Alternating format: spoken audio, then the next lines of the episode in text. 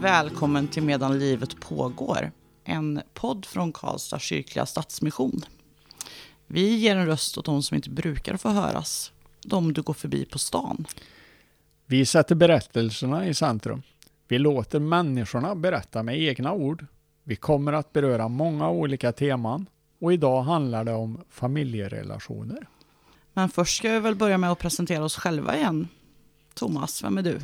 Ja, jag är Thomas, heter jag. Eller, ja, jag heter Thomas eh, och är Karlstadpojk. Ja, jag jobbar på Karlstad kyrkliga stadsmission som volontär. Vem är du Kajsa? Ja, jag heter ju som sagt då Kajsa, eh, Värmlandstös och eh, är också volontär på Karlstad kyrkliga stadsmission sedan ganska många år tillbaka nu.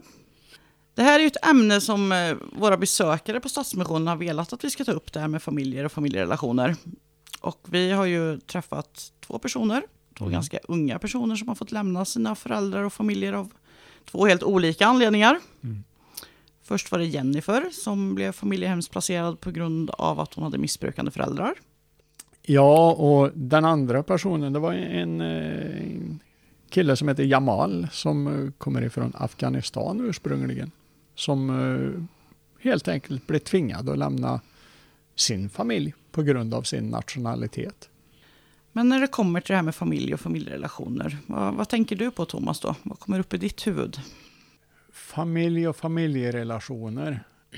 Familjen är ju, den är viktig. Men en familj behöver heller inte vara den biologiska eller blodsbandena. Utan det kan ju faktiskt vara nära vänner som en bryr sig väldigt mycket om. Och ja, men det, det, familj kan vara, det kan vara mycket. Ja, för mig har det ju blivit, och det tror jag säkert du kan känna igen dig i också, att vi som går i en tolvstegsgemenskap, det har ju också blivit en sorts vald familj. Mm. Jag har ju alltid sett mig lite som en udda fågel i min blodsfamilj av olika anledningar. Och inom tolvsteg så är vi ju en samling udda fåglar allihop, skulle jag vilja säga. Ja.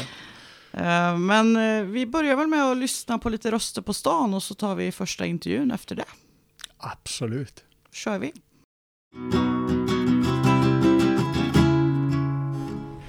Hur gammal var du när du flyttade hemifrån?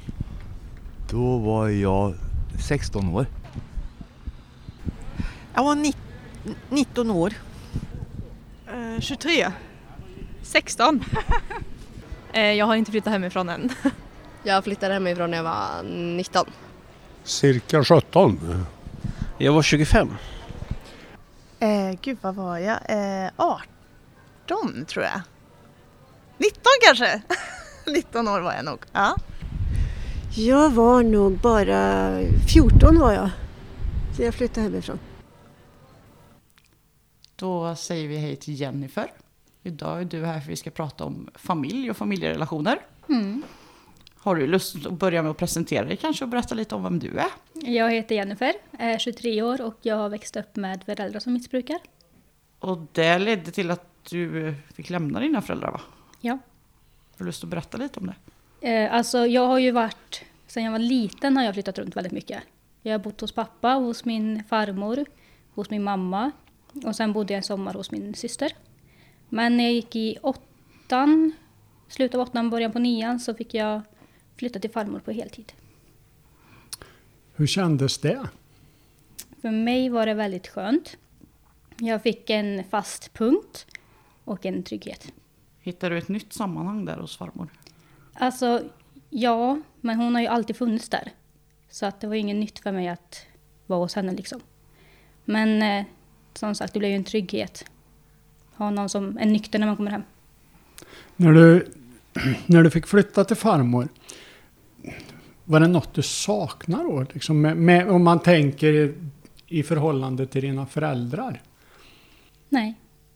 Det blev mycket bättre när jag flyttade till farmor. Så att... Eh, klart man saknar sina föräldrar, men de fungerade inte som föräldrar. Så att, ja, fick det bli farmor. Hade du någon kontakt med din mamma och pappa under den tiden? Ja, alltså kontakten har ju varierat väldigt mycket. Eh, när jag var liten hade jag inte mycket kontakt- med mamma. Men sen blev ju pappa, han, blev ju, han fick ju återfall när jag gick i åttan, nian. Så att han och jag hade inte kontakt under kanske ett år. Men det blev ju bättre med tiden. Men det här att, det, att du inte fick välja själv då att flytta till farmor utan att det, det blev ju en sorts tvång. Alltså ja och nej. Jag pratade ju mycket med SOS när jag var där. Eh, Så att de kom ju med förslaget om familjehem. Och jag sa ju ja till det. Så att de frågade ändå mig först. Mm. Och sen var det ju farmor som erbjöd sig att ta emot mig. Vad gammal var du då? Oj, hur gammal är man i åttan? Ja, då är man 14 va? Mm. Jag var väl 14-15 kanske då. då. Ja, ja, okej. Vad innebär familjen för dig? Familjen är ett, en, ett sammanhang, eller en människor där man känner sig trygg. Och sen får man väl lite välja sin familj, tänker jag. Det måste inte vara blodsfamilj. Nej. Gud nej. Klarar man sig utan att ha en familj? Nej, det tror jag inte. Man måste nog ha någon typ av familj. Oavsett om det är blodsband eller inte så måste man ha nära människor som betyder mycket. Kan du berätta lite Jennifer hur erfarenheterna har påverkat dig? Mm. Jag... Det är en svår fråga. Jag tror så här att med tanke på min uppväxt så vet jag hur jag inte vill att mina barn ska växa upp. Och jag vet mycket som många andra kanske inte vet. Många som kanske missbrukar, som har familj. Som... Gud, hur ska jag formulera det här? Jag har sett baksidan av det som kan hända missbruk. Medan folk som missbrukar kanske tänker att det här är ingen stor grej. Medan jag vet hur det kan bli och vad det kan leda till. Så jag tror att jag har fått mycket förståelse tack vare min uppväxt. Och att eh, jag tror jag har lärt mig att acceptera mer människor med olika bakgrunder. Så det har inte bara varit en eh, negativ erfarenhet. Nej, Det har lett till något bra också. mer förståelse för människor. När din pappa tog återfall, Mm. det var ju då du blev placerad hos din farmor. Vad var det du kunde få hos farmor som du inte kunde få hos dina föräldrar då? Jag tror att med farmor så fick jag en trygghet. Jag fick en stabil vuxen som fanns där och som sagt inte valde drogerna framför mig. Eh, nu vet ju inte jag hur mamma och pappa tänkte. Det är ingenting jag kan gå in på.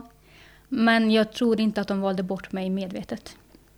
Skolan, var det skolan som började märka då att det var att du inte mådde bra? Ja, det tror jag. Jag var ju mycket sjuk, vilket jag inte var, utan det var ju mycket oro. Ehm, så att skolan ringde ju hem. Och sen hade ju även pappa blivit stoppad av polisen när vi skulle på SOS-möte. Så att då ringde ju polisen till SOS. Så det var flera instanser som signalerade att det var något som inte stämde. Ja. Och sen hade vi mycket kontakt med dem när jag var liten. Så de visste ju vilka mina föräldrar var, vem jag var, min bakgrund sånt. Du nämnde att det var mycket oro, att du var mycket sjuk. Vad, vad var den där oron, vad bestod den av? Vad var du var orolig för? Jag visste ju inte det då. Men det är någonting som jag vet nu och det är ju att det var väldigt mycket ångest. Ångest över att inte ha min pappa eller mamma där. Ångest över att de skulle försvinna. Mamma var väldigt mycket frånvarande när jag var liten. Och jag var nog ganska rädd för att pappa skulle bli det också. Sen självklart det här att de skulle få skulden för någonting. Och jag visste ju inte att det var fel när jag var liten. Men jag vet ju nu att det de valde var ju inte rätt. Speciellt inte när man har barn. Hur kändes det när det här kom till ytan och vad som pågick hemma? Var det jobbigt eller var det också skönt att det var någon utifrån som såg vad som hände? Med pappa så var det väldigt skönt. För jag, jag visste ju inte vad som hände. Jag såg början på det, sen slutade jag prata med honom. Så att det var ju skönt att jag fick veta vad som faktiskt hände. Men med mamma, för hon missbrukade ju när jag var liten. Och då visste ju jag ganska tidigt att det var något som inte stämde. Vilket jag inte visste med pappa. Så att det var, det var en lättnad. Hur kändes det för dig då att någon såg dig? Att någon såg att du inte hade det bra? Det var otroligt skönt.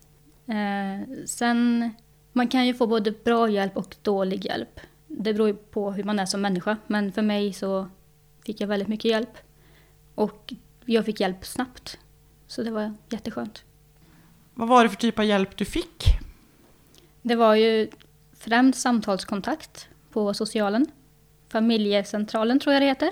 Både jag, mamma och pappa pratade. De pratade med mamma och pappa och de pratade med mig. Och sen när det kom på tal med familjehem så var det ju mycket med farmor också. Så att det var ju den delen jag fick hjälp med. Att hitta någonstans att bo, där jag ville bo. Hur kändes det att få reda på att pappa också hade ett missbruk? Um, om jag säger så här att redan från när jag var väldigt liten så var pappa väldigt anti att jag skulle träffa mamma på grund av hennes missbruk. Han ville inte att jag skulle se det eller att jag skulle växa upp med det. Så att när han sen väljer samma väg som henne så blev jag... Jag blev inte arg, men jag blev besviken. Det, Den- det, den fin, det är det värsta som finns. Men det, ja, jag blev väldigt besviken och ledsen. Vilken roll spelar dina föräldrar för dig idag, Jennifer? Min eh, pappa betyder otroligt mycket. Han, eh, jag har ju ingen körkort och bil. Så att han är ju lite av min privatchaufför. så han följer med mig och veckohandlar och jag brukar åka dit och hälsa på och sover över. Och han och hans flickvän kommer hem till mig och dricker kaffe. Och, ja. Så att vi har fått en väldigt fin relation. Okej. Tank, med tanke på allt som har varit så Ja, ja. har vi ändå hittat, hittat ett sätt att fungera på. Skönt. Hur hittade du och din pappa tillbaka till varandra? Det var nog mycket tack vare farmor. Eh, farmor och han hade ju kontakt. Men jag pratade inte alls mycket med honom. Eh, sen var det ju så att han kom ju till oss ibland. Men det var ju alltid på mina villkor. Eh, och farmor satte ju alltid mig först. Eh, om han ville sova där och jag sa nej, så sa det nej, du får åka hem. Om han kom och jag inte ville, sa nej, du får åka hem för Jennifer är obekväm. Så att det är ju mycket tack vare farmor. Och det här är ju ingenting som hände liksom på en dag, utan det var ju liksom kanske två år i alla fall. Ja, Något okej. sånt. Ja. Så det tar ju tid. Men det var ju värt det. Hur är din kontakt med mamma idag då? Ja, mamma har ju ingen mobil nu så att nu är det inte så bra. Men eh, ja, vi pratar väl någon gång i veckan. Ja. Hur tänker du med en egen familj och känner inför det? Alltså jag vill ju ha barn nu. Men eh, eh, jag vet ju hur jag inte vill att mina barn ska växa upp. Och jag tänker göra allt jag kan för att ge dem den barndomen jag önskar att jag hade. Mm. Sen får vi se hur det går. Men jag, jag har en känsla av att det kommer gå väldigt bra. Vad behöver du göra för att göra det då? För att kunna ge dem det? Jag behöver en utbildning och ett bra jobb. Det räcker inte med ett jobb alltså, det ska vara ett bra jobb. ja, Ja. måste kunna skämma bort dem. Ja. Vad är det du vill ge dina barn då som inte du fick? En trygghet, eh, stabilitet och en plats där man kan växa upp utan att behöva vara orolig om föräldrarna kommer vara där när man kommer hem från skolan. Är det något, eh, något dina föräldrar har lärt dig? Som du har tagit med dig? Ja, alltså de har ju lärt mig jättemycket saker. Men eh, jag tror framför allt att man inte ska vara så snabb på att döma folk. Alla har en historia. Mm. Är det något du skulle vilja skicka med till våra lyssnare Jennifer? Oavsett om det är barn eller om det är till föräldrar eller som en hel familj. Något tips eller någon tanke bara? Alltså, om man växer upp med missbrukande föräldrar, om man nu är ett barn då och lyssnar på det här, så Mm. ska man veta att man är inte ensam. Mm. Och att det är okej att prata om det. Och att det finns hjälp att få. Men om någon familj lyssnar så ta hand om varandra. Visa kärlek och så. För att det kan, mycket kan förändras och det kan gå snabbt. Då säger jag stort tack till dig Jennifer. Tack. För att du kom till oss och ville prata om familjerelationer och dela med dig av din berättelse. Tack så mycket. Tack. Tack. Barnkonventionen är en internationell överenskommelse som också är svensk lag. Den beskriver vilka rättigheter barn och unga har. Grundtanken är att alla barn i världen är födda fria och att alla barn ska ha lika värde. Som barn räknas man till den dagen som man fyller 18 år. Alla barn ska minst ha en vårdnad, vårdnadshavare oftast är samma person som eh, föräldern, men inte alltid. Vårdnadshavaren har ansvar för barnet och att eh, ska se till att barnet har det bra. Av Sveriges cirka 10 miljoner invånare är knappt en fjärdedel, 2,4 miljoner barn. Barn kan omhändertas med tvång av två skäl. På grund av brister i hemmiljön eller på grund av barnets eget beteende. Statistik från 2019 visar mer än 30 000 barn omhändertogs under minst ett dygn.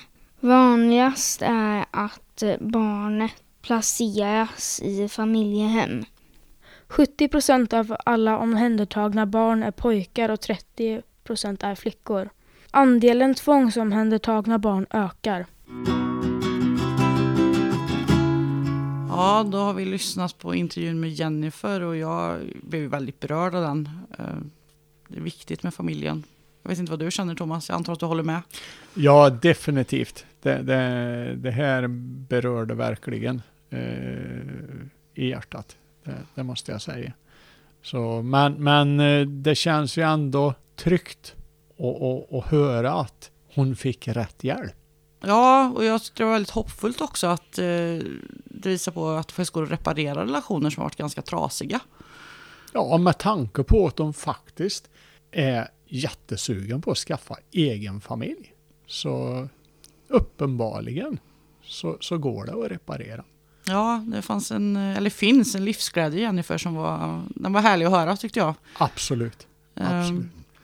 Men då går vi väl på och lyssnar på nästa intervju nu då, den med Jamal. Det tycker jag att vi gör. Välkommen säger jag nu till Jamal. Idag pratar vi om eh, familjerelationer. Eh, välkommen Jamal. Tack så mycket. Tack. Eh, skulle du kunna presentera dig för våra lyssnare och berätta vem du är? Ja, jag, Jamal heter jag och fyller 23 snart. Är född i, i Iran men föräldrarna är från Afghanistan. Och ja, jag har bott här i Sverige nästan i sex år.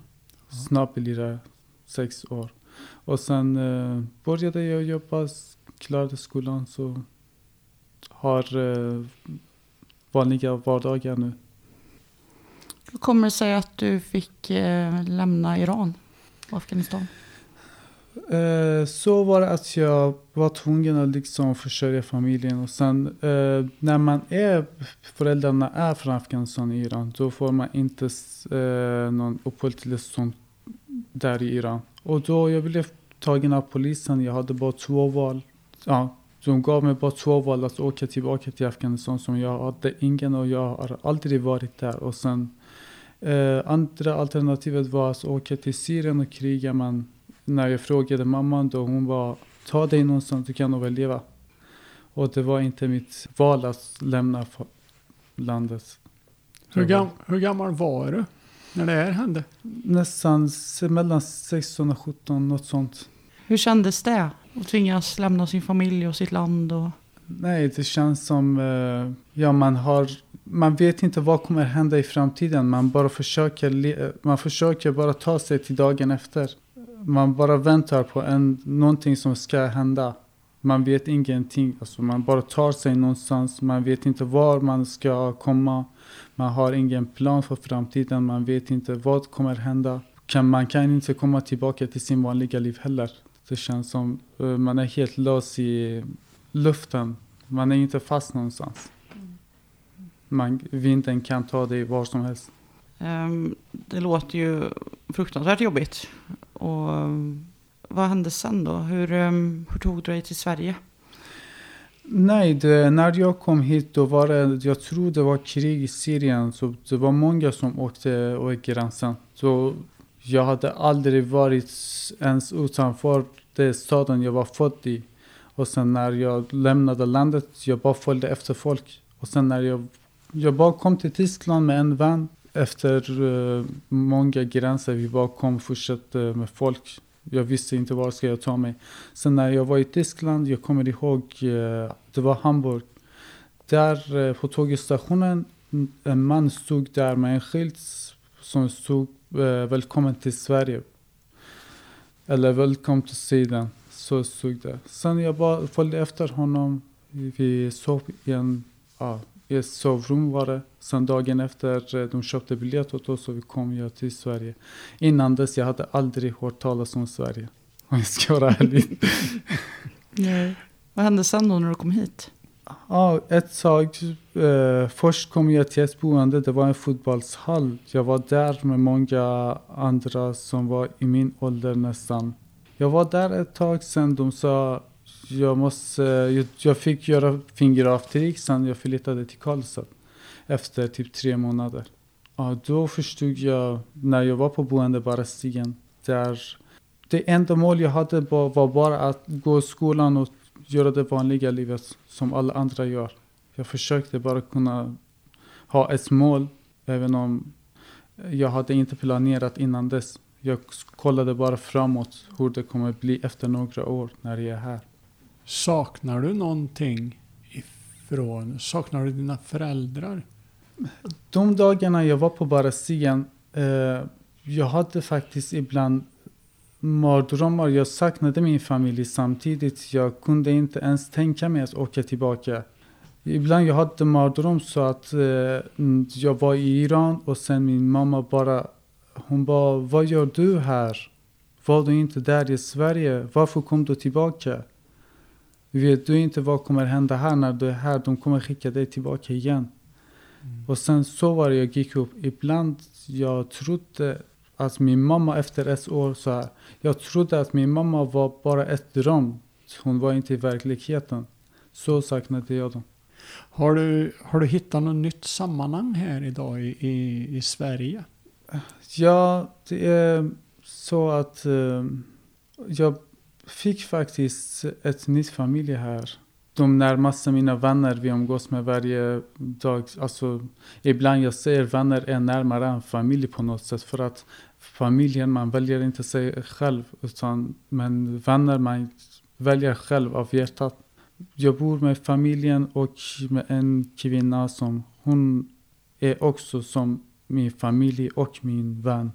Då känns det som, för att eh, nu känns det som jag har någon, en familj. När jag var på Barsigan efter skolan, alla åkte hem, de hade någonstans att gå. Jag visste inte vad fan ska jag ta mig till. Det var liksom, ja, jag måste bara igen till mitt rum och vara helt själv och göra samma sak som jag gjorde varje dag. Mm. Mm. Jag antar att den här nya familjen berättar om har blivit väldigt viktig för dig. Ja, alltså min mamma brukade säga att de som hjälper dig bara lite grann, de ska du aldrig glömma bort. De som, hjälp, de som är vid din sida i svårigheter, de ska man behålla. Och sen de dagarna jag var hemlös och hade massa problem, jag var liksom, jag fick bo i ett källaren bara två dagar under helgen, lördag och söndag. Och sen eh, precis på söndag kväll jag tog min väska och vart på gatorna igen. Liksom, jag var vaken på kvällarna för det var kallt och sov i skolan. Min lärare visste jag, jag har inget bo.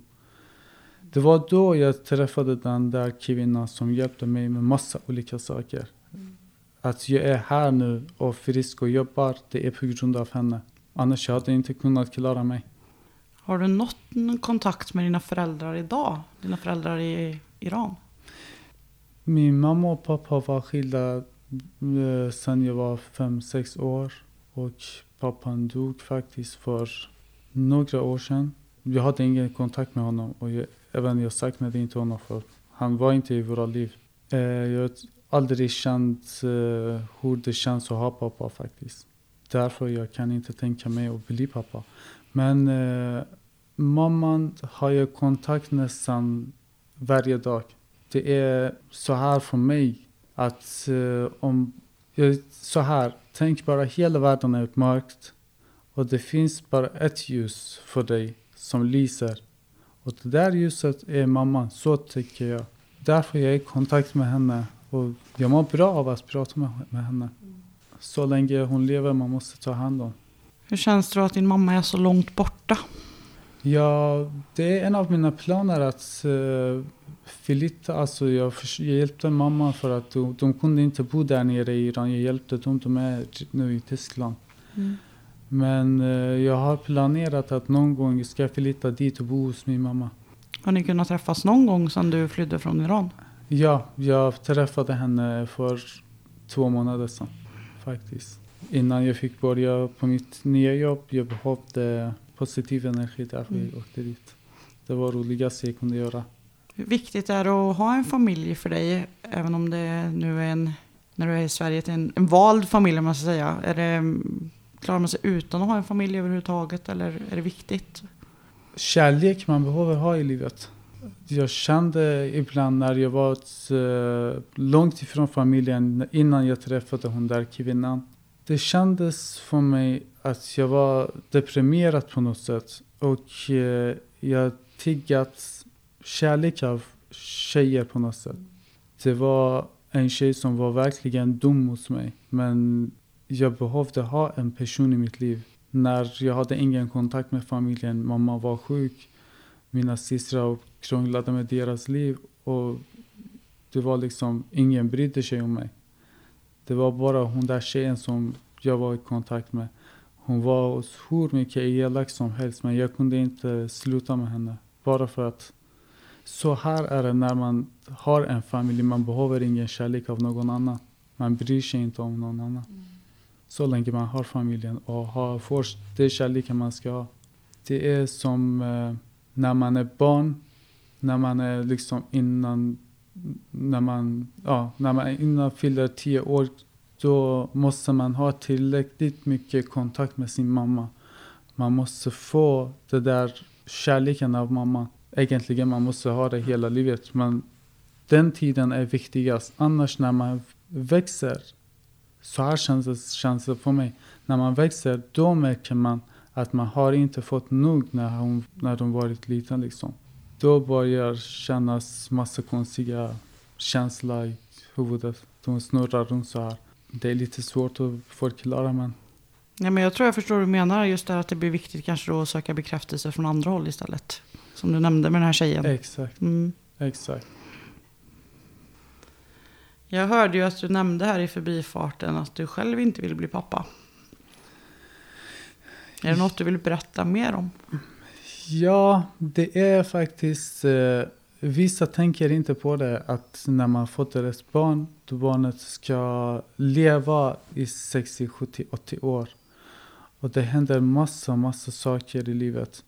Och eh, på något sätt, jag är inte deprimerad men det är en tanke. Livet är faktiskt värdelöst. När man har själv inte haft någon pappa då vet man inte hur en bra pappa är. Jag vill inte liksom mitt barn ska komma i den här världen, ha svårt och liksom säga det ska hända samma saker som det har hänt för mig liksom. Jag vill inte bli så. Jag vet inte hur länge jag lever. Om barnet kommer, jag får det barnet sen efter några år, jag dör eller det händer någonting annat. Om jag kommer inte överens med frun och så här. Jag vill faktiskt inte ha, även om frun kanske har så kanske jag tänker på några adopterade barn så att det är inte mitt barn och hjälper någon annan på något sätt också som jag fick hjälp. Någon som har ingen familj. Har du något som dina föräldrar har lärt dig som du har tagit med dig i livet? Din mamma till exempel. Ja, min mamma, det min mamma sa, brukade säga var att det är bara ett uh, ordspråk man säger så. Det är lite läskigt men så här säger man, om familjen äter köttet då slänger de inte bort benet. Det betyder att i alla fall de kommer behålla dig. De kommer vara med dig oavsett vart du är, vad du är, hur du är. De kommer aldrig slänga bort dig. Man kan byta tjej, man kan byta sina vänner, man kan byta vad som helst. Men familjen man kan inte byta. Det är som ursprungligen var man är född i. Jag kan inte byta liksom jag kan inte byta mamman och köpa en ny mamma. Eller... Mm. Hur ser din situation ut här i Sverige nu? Har du uppehållstillstånd nu? Ja, det fick jag. Jag jobbar, eh, ska bli förlängning på uppehållstillståndet förhoppningsvis. Om Migrationsverket tittar inte på något nytt, då får jag Det håller vi tummarna för att de inte gör. Mm. Ja, jag med. Eh, Jamal, vi brukar fråga personen vi intervjuar om den vill skicka med något tips eller något visdomsord till, till de som lyssnar på podden. Har du någonting du skulle vilja säga till lyssnarna att de tänker på eller tar med sig?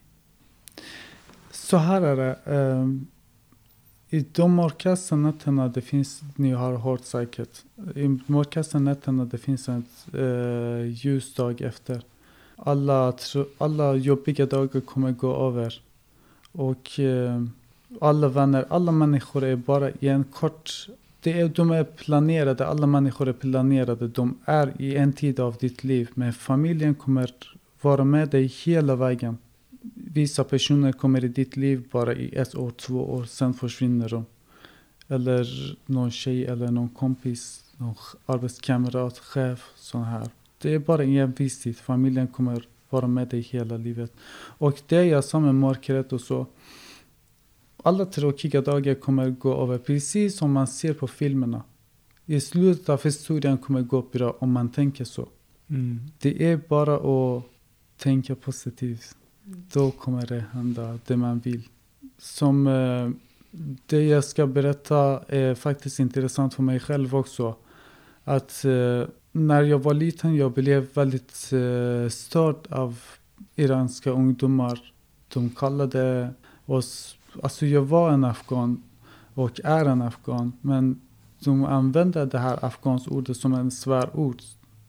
De, kallade, de kallade inte mitt namn utan de sa afghani istället. Även i skolan, det var väldigt jobbigt att vara i skolan fast jag var väldigt en liten unge liksom. Och sen när jag var typ 10-11 år gammal så ville jag ta cykeln och bara ta mig ur landet med cykel. Mm. Jag hade köpt en karta för staden, en karta för landet, en karta för hela världen för att cykla hela vägen. Jag hade tänkt mig jag måste ta mig ut ur det här landet någon gång i mitt liv. Jag hade tänkt så, men jag hade inte bestämt mig när. Mm. Det hade fastnat i huvudet. Och den tiden jag blev tvungen att lämna landet, jag blev tvungen. Jag hade inget liksom, bestämt planering för att åka. Och eh, jag hade tänkt mig att bli den som bygger sitt eget hus. Jag hade tänkt mig vara den personen som lever i fritt och jag hade tänkt mig att vara någonstans där jag är långt ifrån alla och alla. Någon gång jag hade tänkt på en sån sak. Jag visste inte att det kommer hända exakt som jag hade tänkt på. Det är de sakerna man tänker på, även om det är väldigt små, om man tänker varje dag på dem, då kommer hända när som helst i ditt liv. Det är bara att vilja någonting. Då kommer det bli som exakt du har själv tänkt. Om Ja. ni förstod vad jag menade. Ja. Ja, det är de två sakerna. Att ha ett mål, det spelar ingen roll om det är liten eller stort. Och behålla familjen vid sida. För att alla kommer försvinna ur ditt liv, men familjen kommer vara, klar, kommer vara kvar. Ja, man ska inte glömma bort dem. Just mamma. För att eh, mamma bryr sig om barnet mycket mer än sig själv. Jättetack för att du har velat komma hit och berätta din jättestarka historia. Jag tror både Thomas och jag är väldigt berörda här efter att ha suttit och lyssnat på dig. Eh, absolut. Det är eh, tårar i ögonen hela tiden. Här när jag, och, och det är inte sorgsna tårar utan det, det är fint att höra. En ganska tragisk historia men ändå fin historia. Eh, Så tack så mycket. Varsågod. Tack att eh, ni bjöd mig, bjöd mig in. Jag fick sitta här och säga vad jag hade i hjärtat. Tack. Tack så mycket. Vad är det viktigaste som dina föräldrar har lärt dig? Svår fråga. Ja. Vad som är rätt och fel. Ja, bra utbildning och sköta sin ekonomi. Att vara ödmjuk. Ja, precis. Vara ödmjuk mot andra människor. Bli behandlad som man själv vill bli behandlad. Det är många saker men eh, en av dem är väl spara pengar. Jag skulle också nog säga vara sparsam, tänk på ekonomin när du är hemifrån liksom.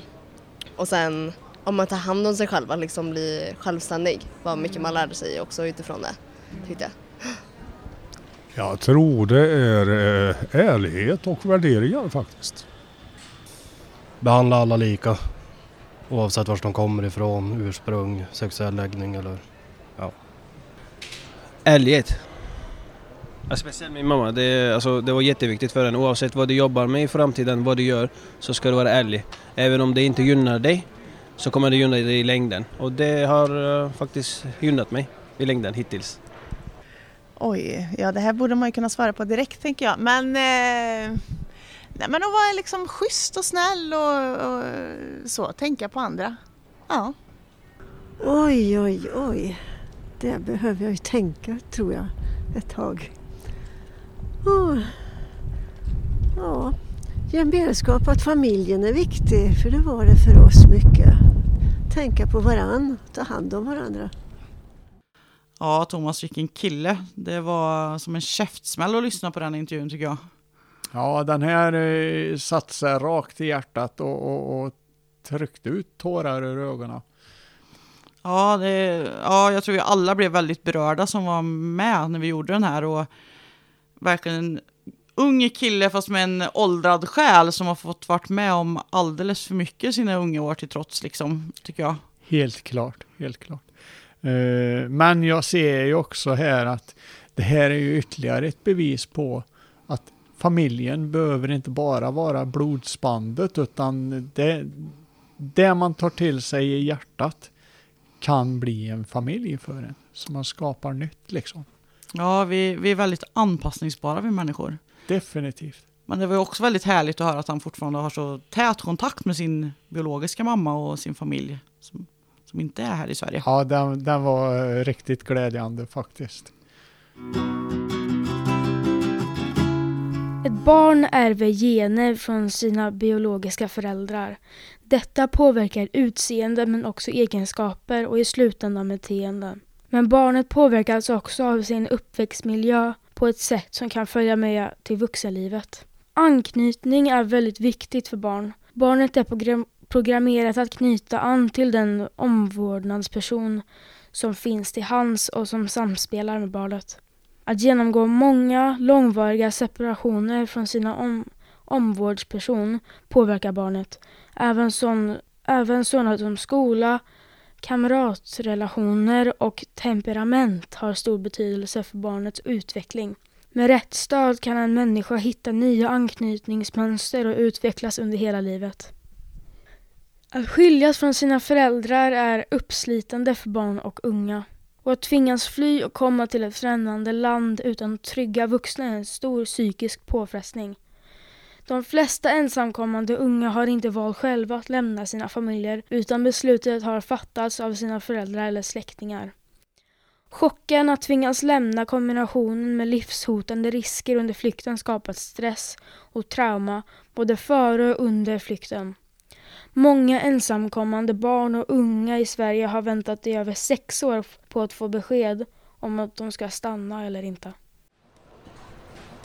Vem ska du fira jul med i år? Min familj. Familjen och sambons familj. Min sambo. Eh, min familj och förhoppningsvis min mormor och morfar också. Jag vet inte. Julen ska firas med min fru och uh, mina två små fantastiska barn. Som vi gör varje år då. Och sen är ju nära och kära. Min familj. Eh, jag firar jul med mitt barn och min kille och hans sida av familjen. Mm. Min familj. Ja, jag ska fira med min familj. Det är min man och mina barn och barnbarn. Ja, Thomas, vad ska du göra i jul? Till jul? Ja, jag ska fira med min mamma faktiskt och, och, och en av mina systrar. Eh, och sen så ska jag och min sambo åka upp till hennes familj i Dalarna och fira där. Och själv då Kajsa? Ja, det blir ju firande med familj för mig också, men sen ska jag även volontära på Stadsmissionen. Eh, Stadsmissionen kommer att ha öppet både julafton, juldagen och annandagen, så jag ska vara där på annandagen och det blir lite annorlunda, men jag tror att det kommer bli himla bra. Mm. Det brukar vara roligt att vara volontär på högtiderna. Jag har varit där på tidigare högtider också. Mm. på tal om roligt, ja julen är ju mycket, handlar ju mycket om familj och, och så, men eh, det är ju faktiskt som så att julen är ju inte bara bra för alla, utan det, det är ju en tid där det händer mycket tragiska saker, samtidigt som det är glädjande. Mm. Och, och, och det kan vara tänkvärt. Mm. Ja, och det... Jag tycker hela det här avsnittet vi har gjort nu om familjerelationer har varit väldigt tänkvärt. Jag vet att det har varit väldigt känslosamt både för dig och mig. Mm. Det har varit nog ett av de tuffaste avsnitten vi har jobbat med. Ja, definitivt. Det, det, jag känner att tårarna är på väg så fort vi går in på det här. Det, Mm. det är känsligt. Men vi kommer ju tillbaka nu nästa år. Ja, vi tar ju faktiskt julledigt. Ja, och då ska vi prata om missbruk i det här avsnittet. Det kan bli väldigt intressant det också. Men då till dess så önskar vi god jul och gott nytt år. Ja, jag säger så här ja, till alla er som lyssnar. God jul, gott nytt år och Kajsa och våran tekniker Louise. God jul och gott nytt år. Och vi kommer faktiskt den här gången avsluta med en sång istället för en dikt. Och det är ju faktiskt vår egen ljudtekniker Louise som har skrivit en sång som vi ska höra henne sjunga nu. Ja. Hej då! Hej då!